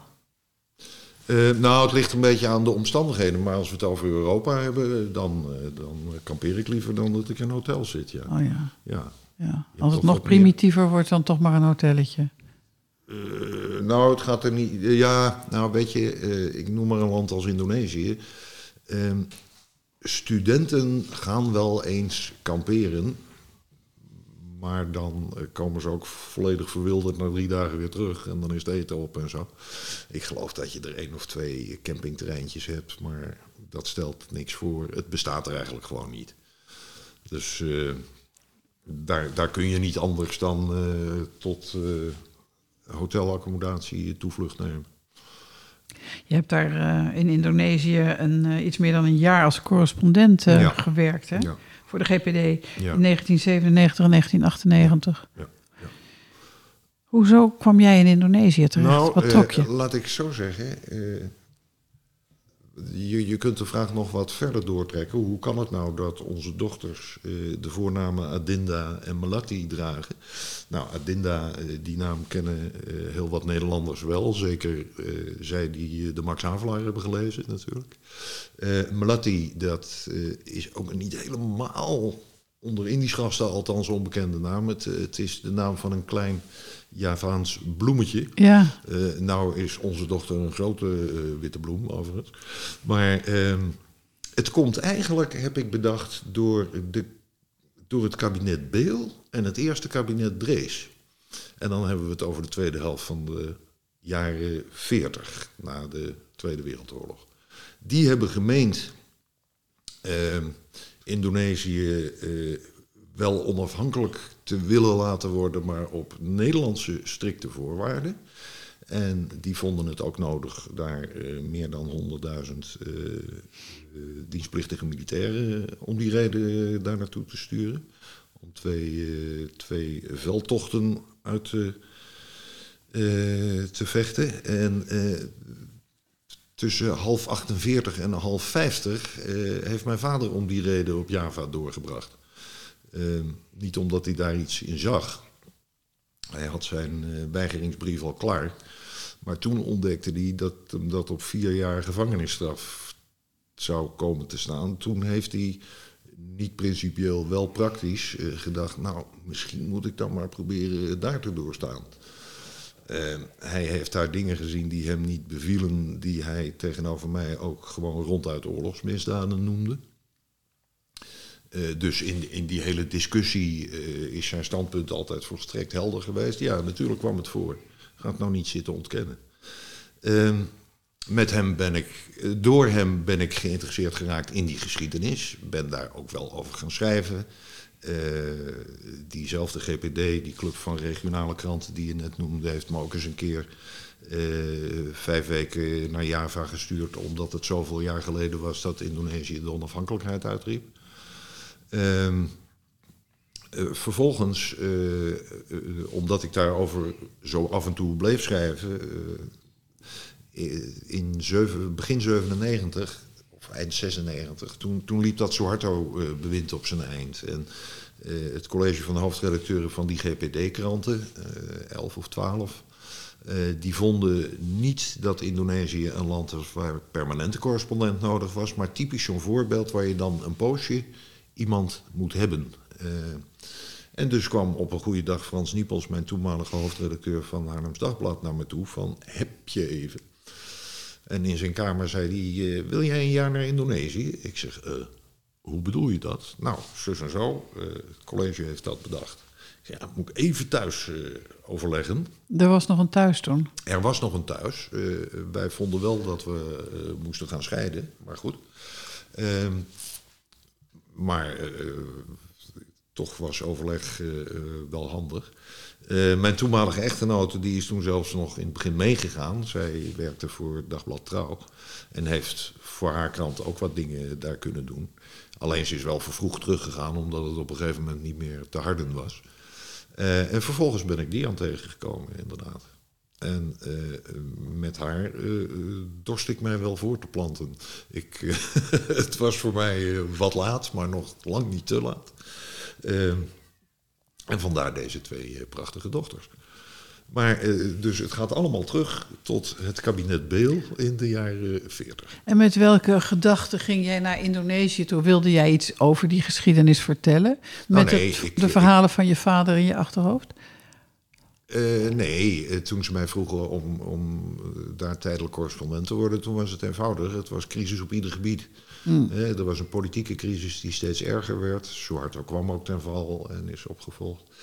Ehm, er was een monetaire crisis, niet overigens alleen in Indonesië, maar in heel Zuidoost-Azië alleen wel het ergst in Indonesië. Het, bijvoorbeeld, ik kwam daar Nederlandse bankdirecteuren tegen die voor hun eh, vestiging daar eh, werkten. En die kregen deels in eh, toen nog guldens uitbetaald en deels in lokale valuta. Nou, die mannen verdienden natuurlijk keurige salarissen, maar wij journalisten lachten ze af en toe wel uit, want wij kregen ons hele salaris in guldens en wij trokken elke dag meer roepia's uit die flappetap, want die, die, die koers die klapte omlaag. Ehm, nou ja, dus eh, monetaire crisis, eh, op een gegeven moment bosbranden overal en nergens, vooral op Sumatra en, eh, en in Kalimantan, op Borneo. En het was gewoon interessant om te kijken wat daar gebeurde en met allerlei mensen te praten en te doen. En dat, ik heb mijn vingers te blauw geschreven, mag ik wel zeggen. Heb je ook door het, eh, door het land gereisd of vanuit Ja, Jakarta? zeker. Nee, de- je moest veel in Jakarta zijn natuurlijk. eh, maar ik ben ook naar Sumatra gegaan en Kalimantan voor de bosbranden bijvoorbeeld. Eh, ik ben naar de Molukken gegaan. ik, nou ja, op allerlei plekken. Door Java getrokken ook. van alles en nog wat. In het spoor van je vader? Nee, niet in het spoor van mijn vader. Dat heb ik eerder een keer met hem vijf weken gedaan. Ah, Eh, dat was heel interessant overigens, want hij eh, behoorde tot de minderheid van de Nederlandse troepen daar die ook met gevechtssituaties te maken hadden gehad. En hij behoorde tot de minderheid die niet alleen in de stad had gelegen, maar op allerlei buitenposten. En die jongens die, eh, die kregen het voor de kiezen dus. En daar zag je dus ook dingen af en toe gebeuren eh, die volstrekt niet in de haak waren. En eh, dus wij zijn ook al dat soort eh, kleine dorpjes afgegaan. en toen kwamen de verhalen los. En toen kwamen ze nog meer los dan daarvoor, want hij is nooit iemand geweest die het zwijgen ertoe heeft gedaan. Maar natuurlijk, ter plekke komt er dan nog meer los, ja, absoluut. Ja, was het om die reden dus heel interessant. En ik heb er toen voor Haarlems en Leids Dagblad voor de zaterdagbijlage ook twee pagina's over geschreven in de zaterdagbijlage. En dan bedoel ik dus niet paginaatjes van nu, maar broadsheet, twee keer zo groot. Ja. Ja. Maar het klinkt wel alsof je er een boek over zou kunnen schrijven. Nou, daar is die reis net niet eh, genoeg voor, eerlijk gezegd. En de hele geschiedenis. Ja, maar dat is al opgeschreven.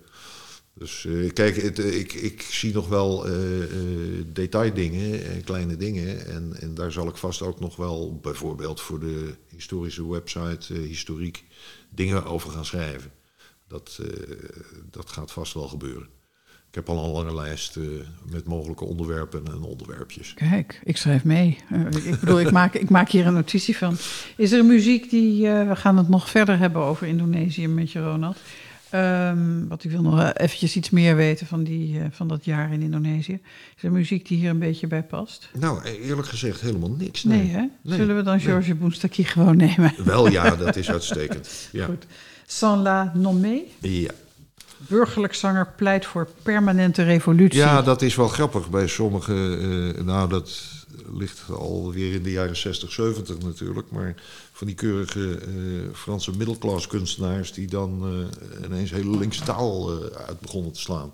Zonder daar in de meeste gevallen ook consequenties aan te verbinden. En Moustaki, wat ver een keurige kunstenaar is, die, die roemt hier de permanente revolutie. Wat toch een bedenksel van Leon Trotsky was, de organisator van het Rode Leger. En toch een wat andere historische setting. Ja, dat loopt hier veel door elkaar. Want Moustaki was ook geen Fransman volgens mij. Nee, zijn achternaam duidt er al op dat er Griekse wortels zijn. Hè? Ja, hij was wel Fransman, maar eh, met andere wortels. Asnavour eh, is wel Fransman, Ja. maar heeft Armeense wortels. Ja. Is wel Nederlander, maar Nou, we komen allemaal ergens vandaan. ja, zo is het. Maar we vinden het altijd een plezier om naar eh, Georges Moustaki te luisteren. Je voudrais sans la nommer vous parler d'elle. Comme d'une bien-aimée, d'une infidèle. Une fille bien vivante qui se réveille.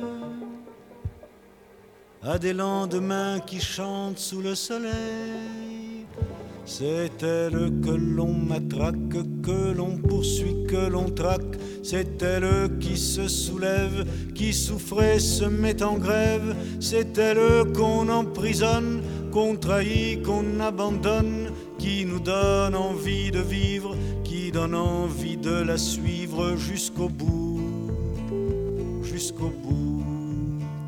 Je voudrais sans la nommer lui rendre hommage. Jolie fleur du mois de mai ou fruit sauvage. Une plante bien plantée sur ses deux jambes et qui traîne en liberté où bon lui semble. C'est elle que l'on matraque, que l'on poursuit, que l'on traque.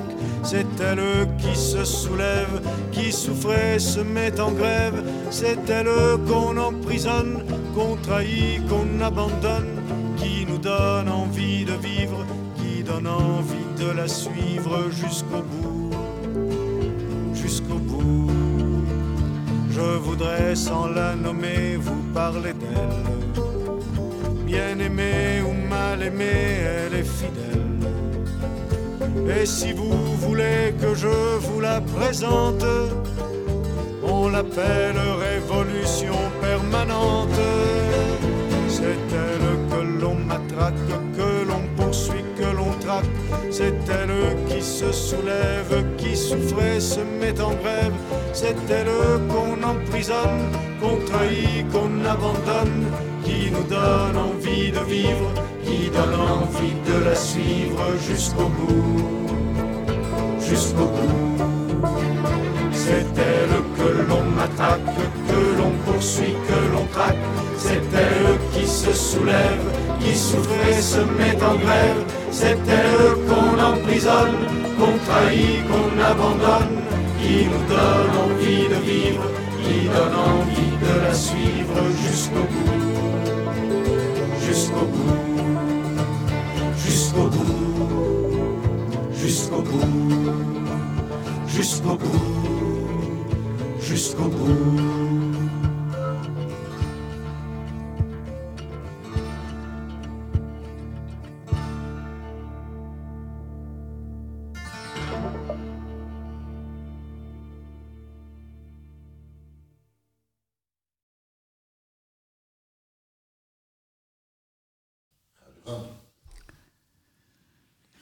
We hebben nog zo'n eh, kleine twintig minuten om het leven door te nemen met Ronald Frizaar in een prettig gesprek met. En mijn naam is Ineke Hilhorst.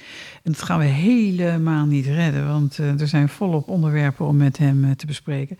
We zijn nu in Indonesië terechtgekomen nadat we het hebben gehad over zijn werkende leven als onder andere politiek verslaggever van de Belgemeente, waardoor wij hem allemaal kennen hier in Laren.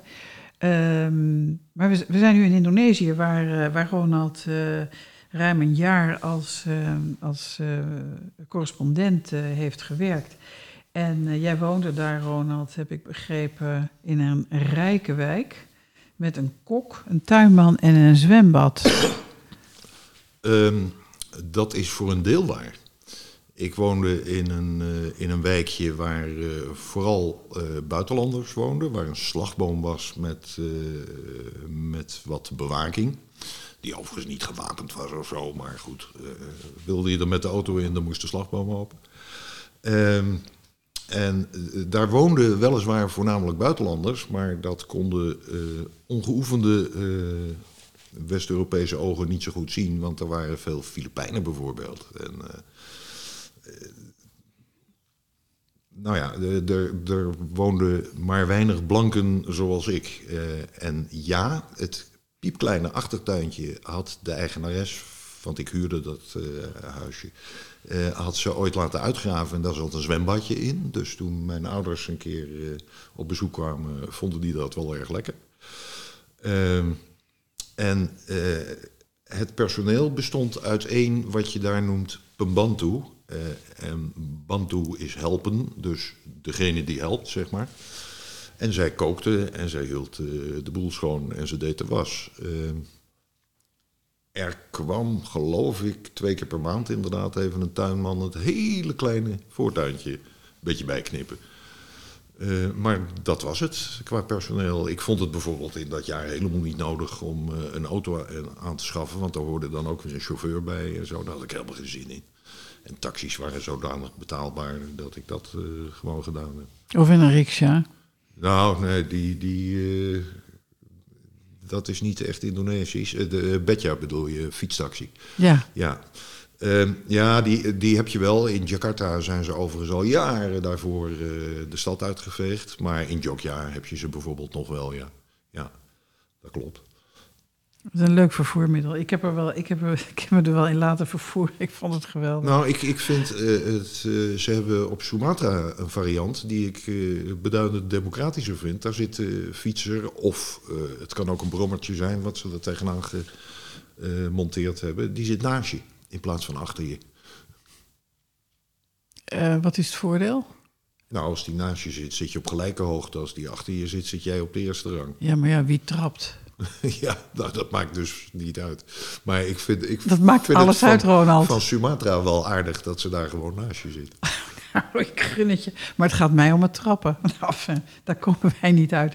Maar hoe dan ook, je had daar, je had daar een mooi leven volgens mij. Ja, ik heb me daar eh, uitstekend vermaakt. Eh, zeker.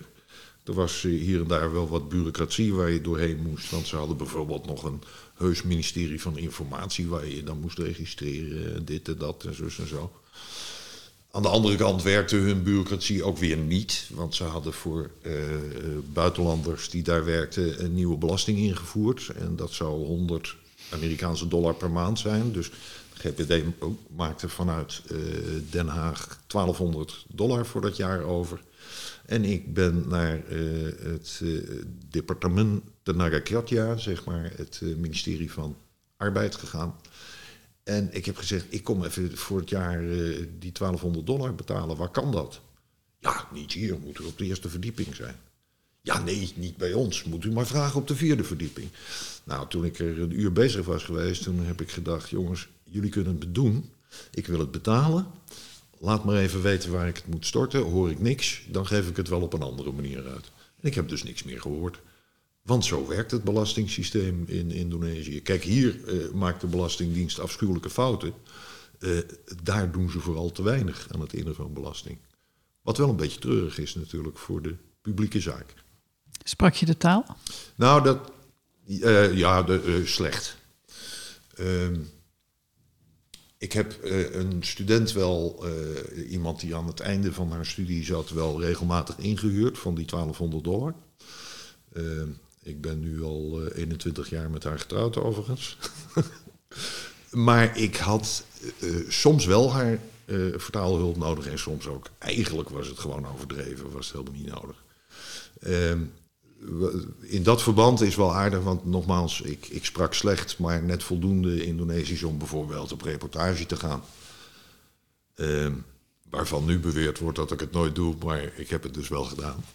Eh, het- maar ik kwam bijvoorbeeld ook van die, ik heb ze wel eens expat wijven genoemd. eh, op een, eh, Nederlands oud en nieuw feestje of weet ik veel wat, door de ambassade georganiseerd, kwam je van die eh, expat vrouwen tegen die, die hun personeel, hun Indonesisch personeel, maar buitengewoon stom vonden. Want die begrepen nooit wat er moest gebeuren. En als ze het al dachten te begrijpen, dan deden ze het verkeerd.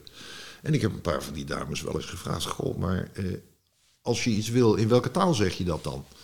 Ja, in het Engels natuurlijk. Ik zei, ja, ik spreek tegen mijn Pembantu Indonesisch. En die begrijpt dat dan goed en die doet dat dan goed. Waarom doen jullie dat niet? Nou, toen kwam natuurlijk de aap uit de. Ze spraken geen woord Indonesisch. Het helpt echt als je die taal spreekt.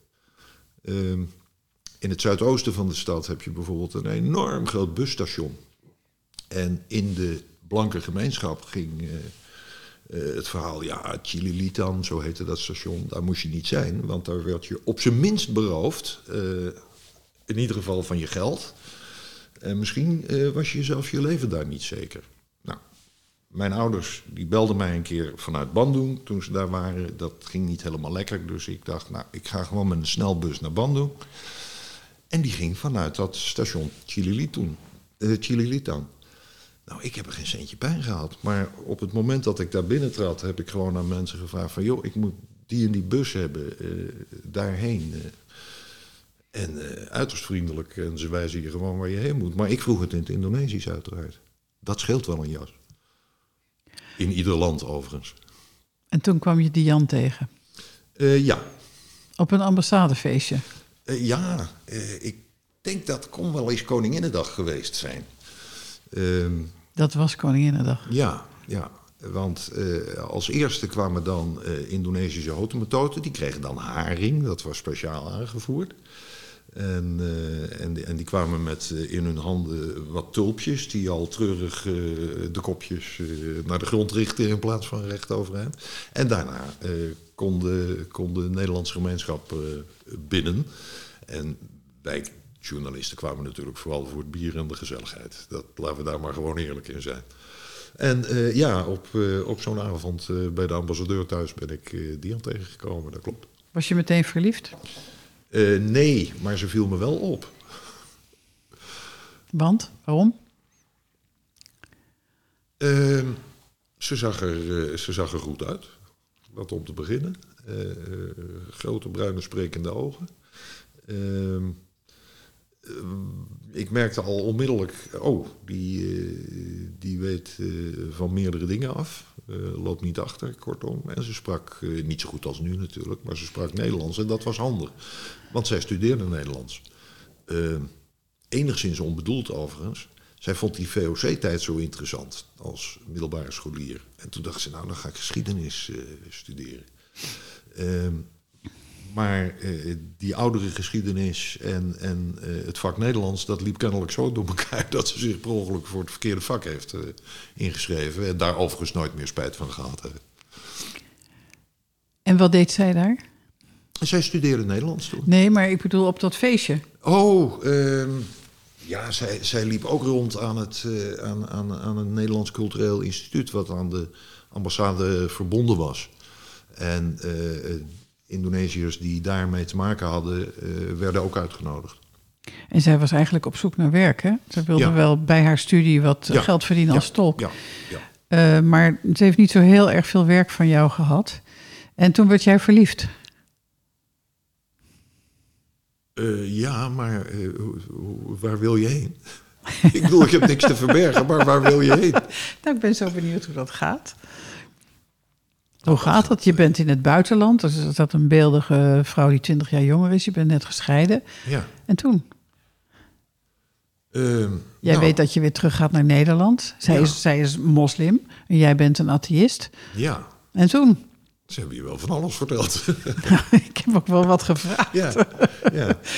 Nee, maar goed, we leerden elkaar eh, steeds beter kennen. Ik heb haar hier en daar met haar afstuderen nog eh, nadat ik uitgewerkt was. Maar ik had ook toen weer een stuur meer aan vrije dagen, dus toen ben ik drie maanden teruggegaan. Eh, zij had voor ons drie maanden een huisje ergens gehuurd. En toen heb ik wat van het vuile werk voor haar eindscriptie gedaan. En nou, toen was eigenlijk wel de bedoeling dat we eh, samen verder zouden gaan. Ehm, je zegt het al, ik ben volstrekt ongelovig. Zij is moslim. Overigens niet van de heel scherpslijperige soort, anders zou dat niet samengaan. En haar ouders waren ook niet van die scherpslijpers. Ehm, haar vader heeft wel één keer aan haar gevraagd van... joh, ehm, wij zijn moslim, maar hij niet, hè? En hij wist bij God niet of ik eh, ongelovig of katholiek of protestant... maar ik was geen moslim. Nee, heeft Dian gezegd. En er zijn er miljoenen stellen en dat gaat goed. En toen was het antwoord... oh ja, en later nooit meer een woord aan vuil gemaakt. Had je niet willen blijven in Indonesië?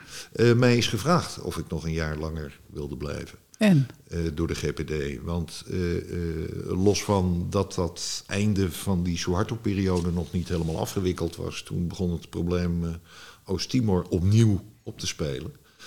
Ehm, en ik heb toen doelbewust nee gezegd... omdat het met mijn eigen vader niet best ging.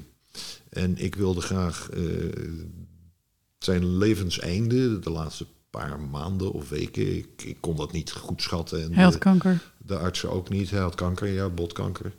Ehm, eh, wilde ik graag hier zijn. En door te weigeren is dat ook eh, goed gelukt. En is, is Dian meteen meegegaan? Nee, nee, nee, zij, want zij moest nog afstuderen. eh, dat was één. Bovendien allerlei toelatingspapieren tot Nederland. Dat, dat vergde de nodige tijd. Dus zij is een aantal maanden daarna deze kant op gekomen. Hebben jullie ooit overwogen om daarna weer terug te gaan naar Nou, we hebben, we hebben nee, niet, niet, niet om te werken, want dat kwam eigenlijk eh, niet zo eh, aan de orde. Bovendien vond zij hier probleemloos werk. eh, omdat ze een behoorlijke opleiding heeft en doordat ze vanaf het begin Nederlands sprak en verstond. En dat is echt een wereld van verschil. Is er geen heimwee? Het is zo'n andere cultuur, een ander land. Nou, ik merk bij haar nooit eh hevige heimwee. Sterker nog, af en toe, en dat was eh, heel recent nog, zei ze, joh, ik moet er toch niet aan denken om eh, daar te zijn. En dan gaat het over dingen als gezondheidszorg en allerlei sociale voorzieningen. je kunt als huurder zomaar je huis uitgetrapt worden, als werknemer zomaar de straat op, dat soort dingen. Dus nee, eh, het bevalt haar hier wel. Bovendien, onze beide dochters eh, lopen hier rond en niet daar. Nou ja, je, je bent best een avontuurlijk iemand en zij kennelijk ook, want anders gaat ze niet zomaar naar Nederland. Nee, dat dus ik kan waar. me voorstellen dat het toch een beetje trekt, zo'n land. Nee, we hebben, we hebben ooit wel eens het idee gehad van nou, misschien moeten we een vakantiehuisje of zo eh, op Java ergens kopen. Maar toen dachten we, ja, weet je, die meiden van ons hebben er niks aan. Want een student heeft geen geld om even naar Java op en neer te vliegen om in het vakantiehuisje van papa en mama eens een maand te gaan zitten. Nee, dus je, Dus laten we het om praktische redenen niet doen. Toen hebben we nog aan de Dordogne eh, gedacht.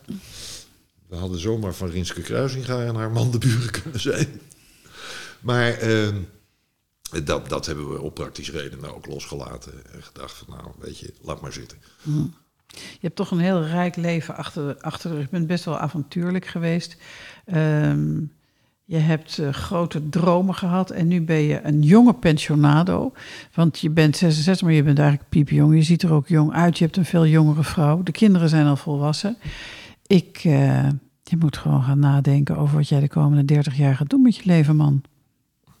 Nou ja, wat ik net al zei, ik heb om te beginnen, eh, of ik ben bezig aan, eh, een lange lijst met allerlei onderwerpen. eh, en, die betreffen zowel de regio, met name Hilversum, waar ik woon natuurlijk, als, als Indonesië. En er zijn er nog een paar andere misschien. Die, die wil ik nog eens uitvissen. En, en dan opschrijven wat daarvan het resultaat is van die zoektocht. En dat gaat ongetwijfeld eh, tot eh, allerlei publicaties leiden, maar vermoedelijk niet in de Gooi Neemlander, maar op allerlei andere plekken. Dus ik eh, denk niet dat ik mij erg ga zitten vervelen, eerlijk gezegd. Ik, ik kijk met verlangen uit naar je stukken. Ik dank je heel hartelijk voor dit gesprek. We gaan, ehm, we wensen je veel succes. Ik heb, Ik heb geloof ik 14 pauwenveren van elk bestuurslid en elk raadslid heb ik er één als dank Oh, voor, voor jouw trouwe, eh, nou niet jouw trouwe, zeg. voor jouw prettige eh, verslaglegging. Dank je zeer. Het, eh, het is zeer door ons gewaardeerd. Dus namens Laris Behoud, alsjeblieft. En dan mag jij zeggen met welk muziekstuk we jou gaan uitluiden, Ja, Ronald. ja, ja, ja. Nou, ehm, ik, ik denk dan toch dat dat Bierman moet zijn. En ik zal even uitleggen waarom. Eh, hij beschrijft daar wat hij noemt het Hugenottenfriedhof, het Hugenotenkerkhof. het heet in Berlijn. Het heet eigenlijk het Dorotheenstädtischen Friedhof. En het ligt in eh, het oosten van de stad. Daar liggen mensen als eh, de filosoof Hegel, de toneelschrijver Bertolt Brecht en Helene Weigel, de actrice. En daar liggen meer mensen en hij, hij loopt daar eh, eh, wat melancholisch rond en, en zegt van ja, het was toen DDR-tijd nog. Hè? Eh, daar liggen allerlei mensen die mij eigenlijk veel nader staan dan mensen die nu leven. En daaronder hoort ongetwijfeld ook, en dat gaan we dan niet laten horen, maar Ernst Busch, die in de jaren 30 eh, een gevierd in links-Duitsland en daarbuiten een gevierd zanger en acteur was, die overigens regelmatig aan de Heuvelaan in Hilversum bij de VARA zijn opwachting maakte. Daar heb ik nog iets nieuws over te melden, maar dat ga ik te zijner tijd in het Hilversums Historisch Nieuwsblad doen. Wij gaan luisteren. Dank je wel voor dit gesprek.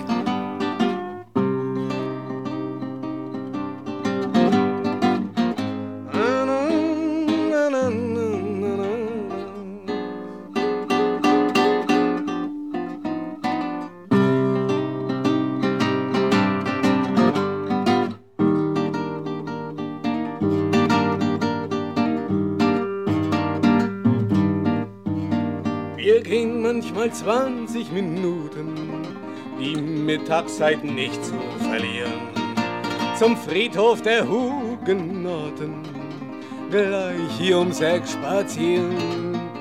Da duftet und zwitschert es mitten, im Häusermeer blüht es und nach paar wohlvertrauten Schritten hörst du keinen Straßenkrach.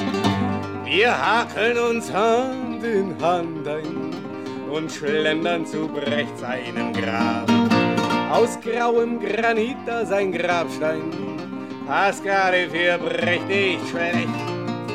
Und neben ihm liegt Helene, die große Weigel ruht aus von all dem Theaterspielen und Kochen und Waschen zu Haus. Dann freuen wir uns und gehen weiter und denken noch beim Küsse geben.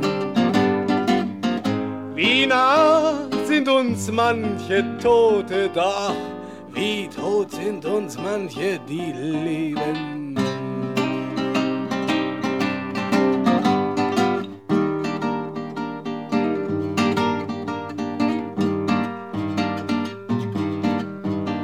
Wir treffen das uralte Weiblein, das hart da und pflanzt da und macht.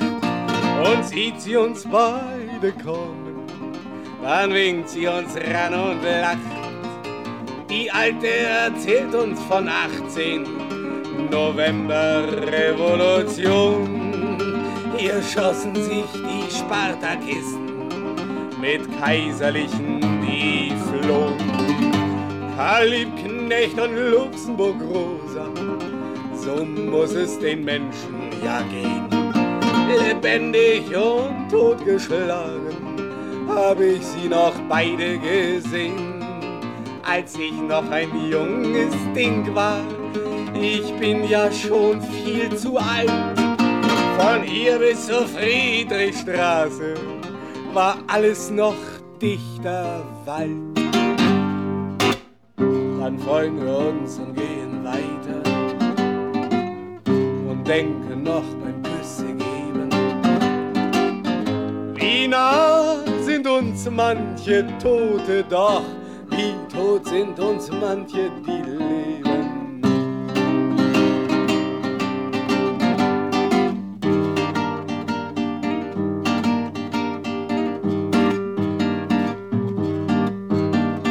Nicht allerhand große Leute und liegen auch viel kleine Leute. Da stehen riesengroße Platanen, dass es die Augen freut. Wir gehen auch mal rüber zu Hegel und besuchen dann dich dabei. Hans Eisler, Wolf Langhoff, John Hartfield wohnt gleich in der Nachbarei. Von Becher kannst du da lesen, ein ganzes Gedicht schönen Stein. Der hübsche Stein da aus Sandstein, ich glaub, der wird haltbar sein. Die Sonne steht steil in den Büschen, die Spatzen jagen sich wild. Wir halten uns fest und tanzen durch dieses grüne Bild. Freuen wir uns und gehen weiter und denken noch beim Küsse geben. Wie nah sind uns manche Tote doch, wie tot sind uns manche, die leben.